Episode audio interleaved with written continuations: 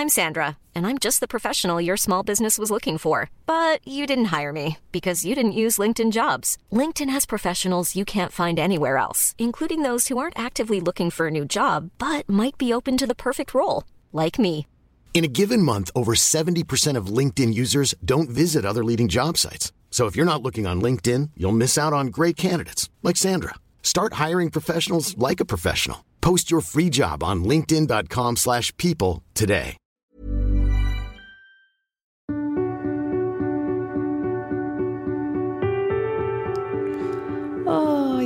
Hjertelig velkommen tilbake. Først og fremst må jeg si at jeg syns det er så utrolig stas at flere av dere har sendt meg melding og etterspurt episode forrige mandag. Men folkens, da var det 17. mai, og jeg tror vi hadde mer enn nok med å sjonglere bunadsskjorter, iskrem og pølser og eh, lage en så fin, men annerledes 17. mai som det var mulig. For vår del ble det en ganske eh, rolig dag. Eh, men det passa oss for så vidt greit. Men det var, var noe rart med å sitte og se på at uh, store deler av landet feira, mens vi ja, vi laga iskiosk, da. Vi spiste is tre ganger i løpet av dagen, så det var stor fest. Vi er i siste innspurt av mai, og jeg kjenner at det er helt greit. Jeg er, som dere vet, veldig, veldig fan av hverdagen. Og mai bærer litt preg av hverdag. Så nok en gang er vi jo i ei langhelg, men jeg kjenner at denne mandagen er det rom for en podkast. I lyttende stund så sitter jeg mest sannsynligvis på vei hjem. Um, har hatt en 48 timers tur, altså to netter. Det er insane, uten barn. Og jeg håper at vi har hatt det veldig, veldig fint. Det er rett og slett en bursdagsgave fra meg til min mann som fyller 40, folkens. Jeg er gift med en 40-åring. Ok. Um, dagens uh, bekjennelse um, er nok en gang noe jeg kjenner meg igjen i, men som jeg kjenner at jeg har lyst til å ta en liten alvorsprat om. Jeg har så vidt vært innom akkurat det temaet her på Instagram i den siste tida, um, men hvor bunntemaet har vært noe helt annet. Og jeg kjenner meg veldig igjen i den mammaen sin bekjennelse fordi jeg sjøl sitter i en lignende situasjon, men det gjør vi jo alle sammen eh, på sett og vis. Ok, jeg kan lese opp. Jeg har ei jente som er annerledes. Det har jeg skrevet hermetegn. Eh, hermetegn heter det. Innimellom ønsker jeg at hun kunne bli behandlet likt som alle andre. Um, jeg har skrevet med den mammaen her for å være sikker på hva hun mente, uh, og det hun kjenner på, er en skam uh, innimellom uh, overfor barnet sitt, fordi hun er annerledes og krever en annen behandling, en annen måte å møte hverdagen på, en annen tilrettelegging, rett og slett. Uh, og jeg ble pratende med henne hele dagen, fram og tilbake. Uh, og jeg tror vi begge to gråt i hver vår ende. Jeg har jo, som dere fleste vet, en gutt sjøl, som da kan kategoriseres som annerledes. Og jeg har brukt fryktelig, fryktelig mye tid på å Jeg vet ikke om jeg kan bruke ordet skam, men jeg har irritert meg over det. Jeg har vært frustrert over det. Jeg har vært sint. Og så har jeg syntes at det har vært fryktelig, fryktelig urettferdig. Um, både overfor han, overfor meg og for resten. Han er verdens blideste når han er blid, men når han er utfordrende, da må hele familien stå på hodet for at det skal bli bra igjen.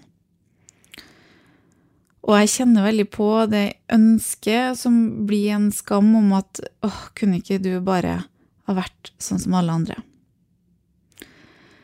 Når jeg har fått vokst litt på det her, og følelsene mine har fått sunket litt ned, og jeg håper jeg også nådde inn til den mammaen, så er tankesettet mitt litt annerledes.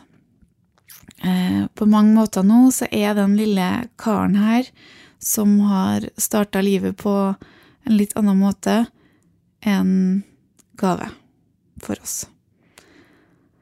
Han Det ble litt vanskelig å prate om det her plutselig. Han viser oss at det går an til å se verden fra flere måter. Han har gjort meg til et klokere menneske og et mer forståelsesfullt menneske, uten tvil. Um, han har gjort meg mer tålmodig. Han har gjort meg sterkere. Uh, og han har vist meg at alt er mulig, bare man ikke gir opp. Det er noe med at det umulige tar bare litt lengre tid. Jeg har lyst til å sitere uh, min, min eldste.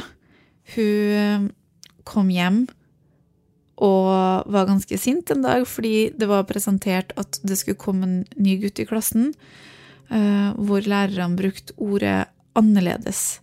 Det kommer en gutt som er litt annerledes. Det her er en stund siden. Og hun var så sint for at de sa det, og jeg skjønte ikke hvorfor at hun var sint. Og tenkte kanskje at jeg måtte forklare hva, så, hva som legges i annerledes. Men så fortsetter hun med å si hvordan kan de si at han er annerledes når ingen av oss andre er like? Og da gikk det frysninger nedover ryggen på meg, og så skjønte jeg akkurat hva hun mente. Og den har jeg tatt med meg, og jeg kjenner jo at den her bruker jeg nesten hver eneste dag, i hvert fall når det blir litt tøft. Fordi ingen av oss er lik. Og dette har jeg prata med dere om på Instagram, og det var en følger som sa det så fint at det mest urettferdige vi kan gjøre mot barna våre, er å behandle alle likt. Fordi vi er ikke like.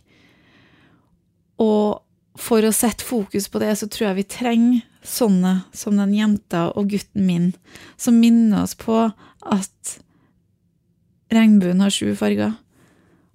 At vi alle sammen er forskjellige, og at vi alle har forskjellige behov. Vår gutt han er en, i barnehagen nå, og vi ser at han lærer de andre barna eh, at vi er forskjellige. Han lærer dem å være medmenneskelig og vise empati. De hjelper, heier. Og så skal skje den heiagjengen når han nå er i ferd med å ta sine første skritt som to år. Og det trodde vi kanskje ikke var mulig at han skulle gjøre. Jeg skjønner godt at du kjenner på en skam, men jobb med å grave fram stoltheten, fordi du skal være så stolt av å være mamma til en kriger. For jeg vet at min lille kar, han stopper ikke i barnehagen med å forandre mennesker. Det kommer han til å gjøre gjennom hele skolegangen og mest sannsynligvis i arbeidslivet sitt òg. Vi trenger faktisk mennesker som er litt annerledes. Så skal vi være innmari stolt over å få lov til å dele reisa deres hånd i hånd med dem. Og så tror jeg det at vi som foreldre, vi, altså vi klarer ikke å unngå å sammenligne. Og selvfølgelig er vi glad i å skryte, så vi framhever jo våre barns eh, kunnskaper og egenskaper og styrker. Og så er vi ikke like flinke til å snakke om utfordringene. Og da Jeg kjente i hvert fall lenge på at jeg drukna så mye i andres styrke at jeg ikke så hans, for eksempel. Så den skammen, den syns jeg du skal riste av det, og så skal du bytte den ut med stolthet. På mange måter så er du heldig som har fått ei jente som er annerledes. Se på det som en rikdom. Se på det som en viktig livserfaring, og at hun er med på å gjøre det til et bedre menneske. Nå skal jeg ta og tørke tårene, og så skal jeg rette opp ryggen og fortsette å jobbe med å være stolt sjøl. Den skammen den har jeg tatt i høyrehånda, løfta den høyt over hodet, rista den hardt og kasta den så langt vekk som det går. Og så har jeg tenkt at det her går helt fint. jeg lover. Ha en fin dag, folkens.